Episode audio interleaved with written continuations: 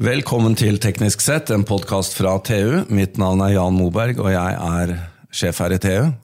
Eh, og jeg sitter her sammen med Odd-Rikard Valmot, som, Som vanlig. Som vanlig. Hei, Jan. Nå gjorde jeg en twist sånn at du ikke skulle få kommentere det. Oh ja, gjorde du det? Ja, vel, jeg ja, ikke det. vet du. Overrumpla deg litt. Ja. Men eh, jeg ser du har på deg nerdeskjorta i dag, Odd-Rikard. Det har du òg, Jan. Ja, de er fine, da. Ja, TU og Digi-logo. Ja. Det har blitt sånne skjorter med TU og Digi-logo. Jeg har skjønt at det er liksom eh, På svartebørsen så er det ganske hot top Ja, nå. Men vi selger dem ikke.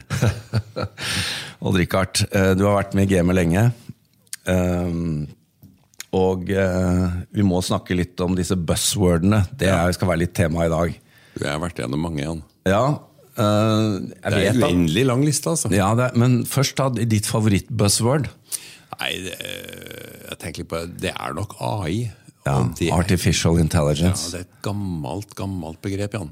Men det var jo... Mye eldre enn folk tror. Det begynte på 50-tallet. Men meget smart begrep. Ja, det er først nå det begynner å bli litt futt, ja. sant? Men, eh, men det, vi, vi har jo en eh, historie tilbake som begynner å nærme seg 60 år. ikke sant? Eller enda mer. Ja, men eh, de snakket først, disse amerikanerne, om eh, maskinlæring, kanskje? Eller Ja, Det var et, et prosjekt med maskinlæring som de ikke fikk penger til, og så kalte de AI isteden. Og da våkna Forsvaret, altså. Det skal jeg love deg. De, Ja, er- de drukna i gryn. Fantastisk Ja, eh, smart days. marketing, da.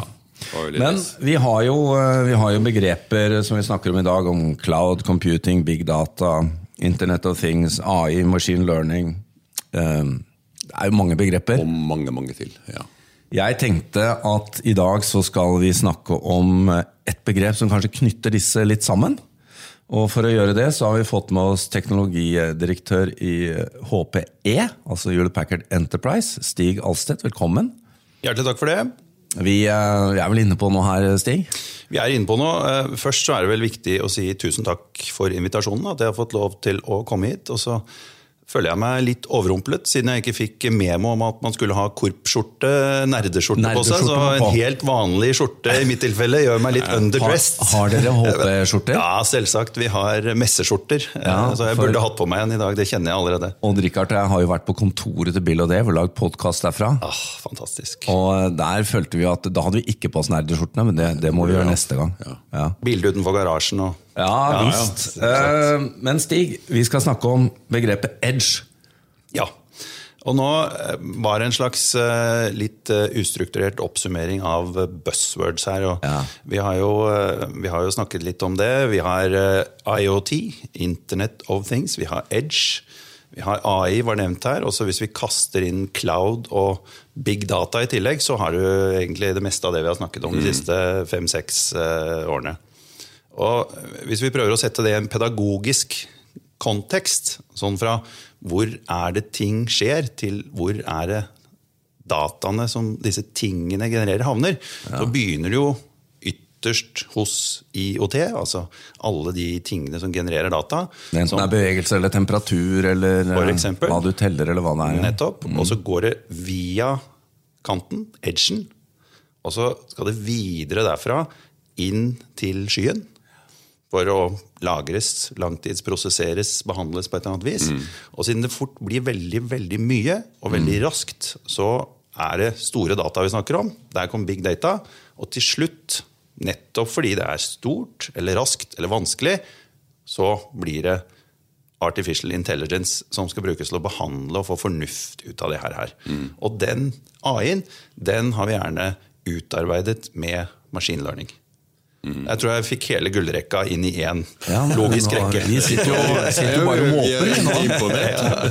åpen munn. Det blir den korteste podkasten her. er Bare å avslutte. Akkurat. Vi fikk det oppsummert. Men det du snakker om, Stig, er jo at denne edgen også kan øke sin intelligens og kanskje behandle litt på veien, eller kanskje til og med unngå at ting må inn i skyen før det blir analysert?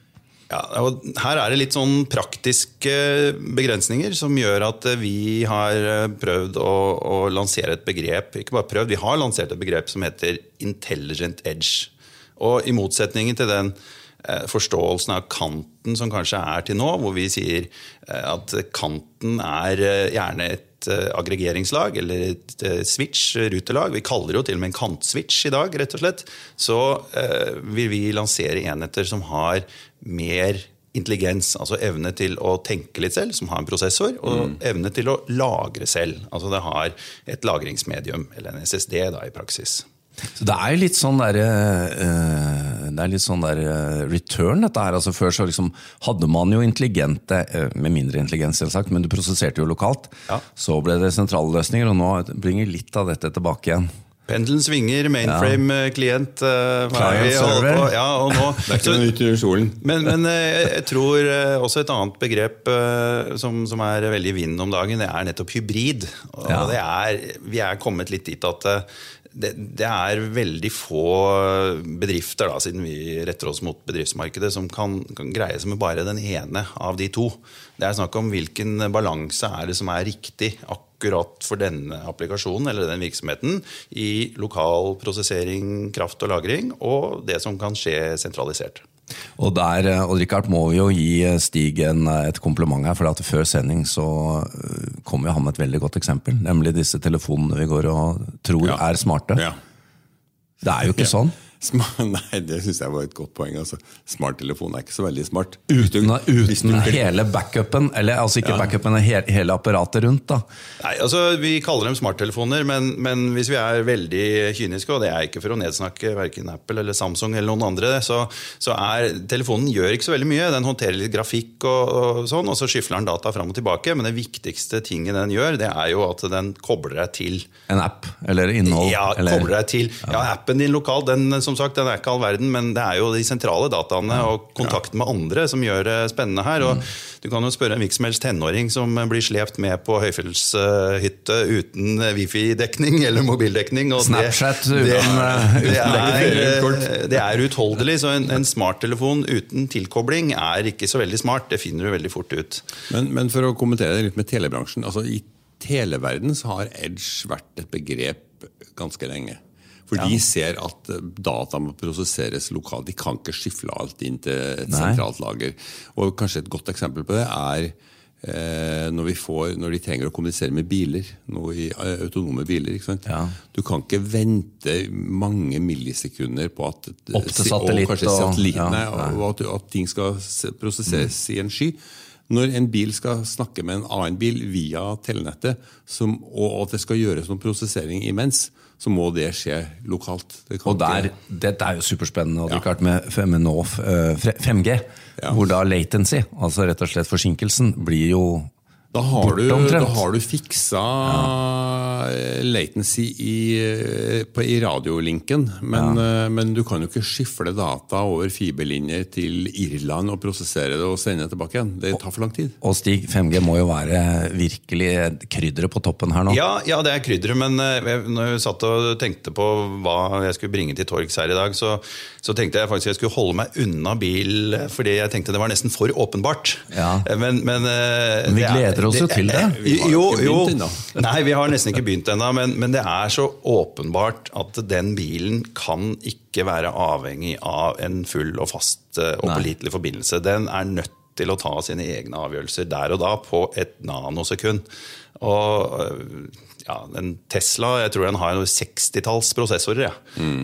med seg. Og den er jo egentlig så er den bare en iPhone på hjul. Det er jo et rullende datasenter. Eh, og det må den søren meg være når den skal greie å holde orden på alt som skjer i trafikken rundt der. Og, og det å tro at de datamengdene den genererer, kan skyfles over en forbindelse, om det er 3G, 4G, 5G, det, det er ikke relevant. Den skal selvfølgelig være eh, tilkoblet for å hjelpe til med navigasjon og for å lage rapportering og, og oppdateringer og sånne ting, så klart. Men her kommer det hybride tankesettet inn igjen. Den må i stor grad være i stand til å prosessere og behandle og agere helt på egen hånd, og uavhengig om det er et brudd i en linje. Ja, ja. Løper en unge ut i veien, så skal den bilen stoppe uansett. Men sånn sett så er jo faktisk eh, altså dette som skjer på eh, bilsiden, da, eh, mer spennende enn hva smarttelefonen er i dag. For det, de, Ja, det er det. de er jo enda mer isolert. Enormt. Og bare for å sette det i eh, perspektiv Jeg leste en statistikk her som eh, jeg ikke husker kilden til, riktignok, men la oss eh, satse på at det er eh, riktig. At eh, gjennomsnittsbilen i 2020 kommer til å generere 4000 gig med data per dag. Ja. Mens gjennomsnitts-internettbrukeren ligger på omtrent 1500. Eh, Så, så Det er- det, er, det er dramatisk mye mer, og hver eneste internettbruker har en bil. Eh, Så eh, det sier seg sjøl at bilen kommer til å generere veldig mye mer data enn det den enkelte eh, bruker gjør sånn fra sin egen tradisjonelle bruk, da, via en klient, om det er en telefon eller PC eller hva det er. Er du ikke glad Jan, for at vi ikke har disketter og akustiske modemer? Fem og en kvartoms uh, flopper. Det var- det Det var en grunn til at det het floppy. Those were the days, ja. Eh, Stig, vi, vi må også innom dette med Edge-eksempler. Dere har jo uh, Hewlett Packard Enterprise har jo kunder blant de største selskapene i Norge. Ja. Og, og, og dere gjør jo mange forskjellige ting. Men, men dette med Edge-begrepet og det å ha mer intelligens i det grensesnittet, da. sånn praktisk, hva betyr det? Hva er det, hva er det bedriftene bruker det til? En av de første og største use casene som vi eh, jobber fram og ser på nå, det er forskjellen mellom prediktivt og preventivt vedlikehold. Ja. I en industriprosess. Eh, Fordi Hvis man setter dette i kontekst av en bil, igjen, så kan det kanskje være lettere å forklare. Fordi Når du kjøper en bil, i hvert fall en tradisjonell en, så har den et serviceintervall. eh, Og du tar den inn på service eh, uansett om det er noe gærent med den eller ikke. Bare fordi produsenten har sagt at etter ett år så har det ikke skjedd noe, så da sjekker vi det for sikkerhets skyld. Og så er det en eller annen mekaniker som går og sjekker den, bytter olja, men så er det en del slitedeler da, som, som man ser om trenger å byttes, litt avhengig av bruksmønsteret ditt og en hel del andre parametere. Men det har jo da gitt deg nedetid. Da har du vært nødt til å levere bilen på verksted, og du får en leiebil, kommer igjen seinere, og alle kjenner den prosessen. Det har du ikke lyst til å gjøre oftere enn nødvendig. Så hvordan kunne det vært hvis du hadde greid å måle en hel del ting i den bilen for å se når er det faktisk det er behov for å bytte det ut? Ikke fordi det har gått et år, men fordi det, Ikke fordi det har gått et år, men fordi den, denne komponenten, denne delen, om det er en slitedel eller en garantidel, den nærmer seg sin levetid. Og da lurer vi Hvordan i all verden kan du gjøre det? Og Et uh, praktisk eksempel da er jo disse dekktrykksmålerne. Hvem i all verden trodde at det skulle være mulig å, å kunne måle dekktrykket hele tiden mens du kjørte? Og plutselig var det noen som fant på en eh, riktignok litt irriterende, men allikevel en liten ventil, som gir deg en, en live rapportering av hva som er dekktrykket ditt. Og litt dit er det vi har tenkt å komme med en industriprosess. Fordi vi prøver med masse forskjellige lurium-verktøy og software, AI og machine learning, eh, å komme fram til hva er det som er levetiden på en komponent. Når er det den er så slitt at den må skiftes, eller at den har blitt eh, ødelagt eh, sånn at den blir en fare. For også la komponenter som i en industriprosess ofte er veldig dyre, eh, og la dem være i bruk helt til de nærmer seg den faktiske levetiden, og ikke bare intervallbaserte skifte som leverandøren har satt for å sikre ryggen. Og jo større og mer kostbart utstyr er, mer komplisert, jo mer effekt får du av dette. Ikke sant? Altså, du vil ha færre store planlagte vedlikehold, og ikke minst så slipper du å bytte dyre deler som har fortsatt levetid uh, igjen. Altså, dette her er, er virkelig god økonomi. Ja. Uh, og du kan jo knytte det mot miljøvern også, for den saks skyld. At du gjør uh, Du bytter ut ting sjeldnere, og du kaster ikke ting som fortsatt har tid igjen. Veldig bra. Vi, eh, vi må eh, nærme oss en eller annen form for landing, Odd-Rikard. Men jeg, jeg tenkte vi kunne ta to ord om eh, denne splitten som ble foretatt i HP. Det er jo tre år siden nå. Hewlett Packard eller HP er jo i hvert fall på vår liste over all time teknologiselskaper. De grunn, jo grunnla jo i praksis Silicon Valley. Det var jo her det begynte. Ja, det er en fantastisk historie som eh, innebærer både Disney og Steve Jobs og Apple. og Det er, det er, det er, ja, det er fantastisk, fantastisk. egentlig. Men for tre år siden, eh, Stig, så ble det splitt i selskapet. Ja. Og du eh, er da i den delen som er Enterprise, altså som var de corporate eh, ikke lagde PC-er og de tingene. Stemmer. Men det jeg er nødt til å spørre deg om er det er jo ikke sånn at det er gadgetfri sone hos dere heller, da? Når dere holder ikke. på med disse tingene? Nei, absolutt ikke.